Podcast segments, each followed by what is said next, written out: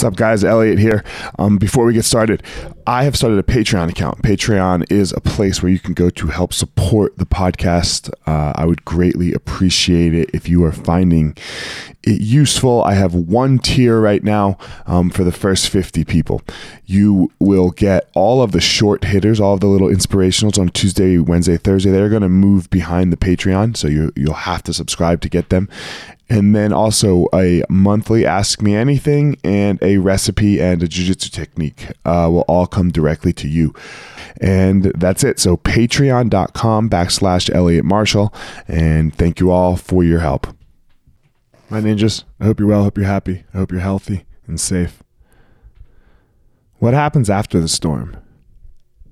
What does that look like after the rain? When the rain ends? It's stupid, but we all know that little saying that uh, that we learned when we were kids. April showers bring May flowers. So sometimes during that rainy season, when when things are tough and rough like they are right now, when you get through it, when you deal with all of that, it will be time to flourish it will be time to start to sprout some flowers. The only way that happens, though, is if you do the work right now.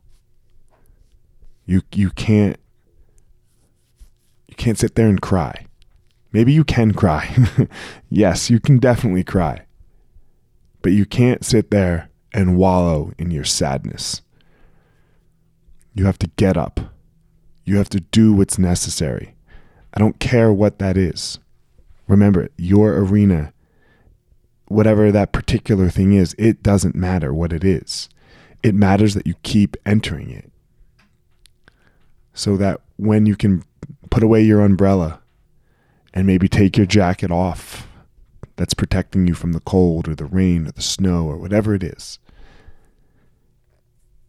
you'll be there and your flower will start to sh- to grow, to to bloom so that you can be amazing. You will have found your power. I don't like to just say find you found your power because it, it's this constant, ever evolving process. But you will definitely be finding your power.